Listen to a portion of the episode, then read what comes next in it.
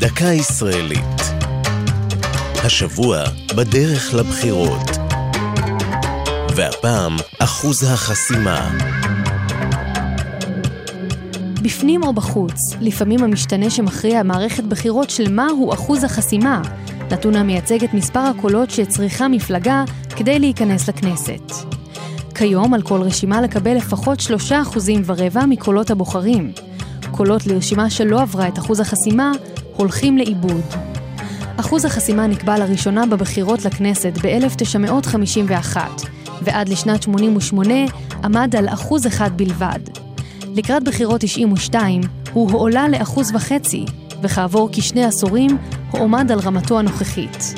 יש שהתנגדו להחלטה, בטענה כי צעד זה יגרום לבזבוז קולות גדול, לעיוות רצון הבוחרים ולפגיעה במפלגות מיעוטים. בבחירות הקודמות עבדו כמעט 190 אלף קולות שניתנו למפלגות שלא עברו את אחוז החסימה.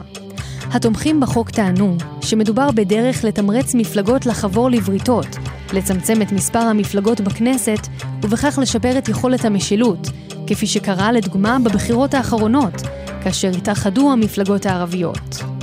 הבחירות הנוכחיות מסקרנות במיוחד, היות שלפי סקרי דעת הקהל, יש לא מעט מפלגות הקרובות אל הגבול המסוכן של אחוז החסימה.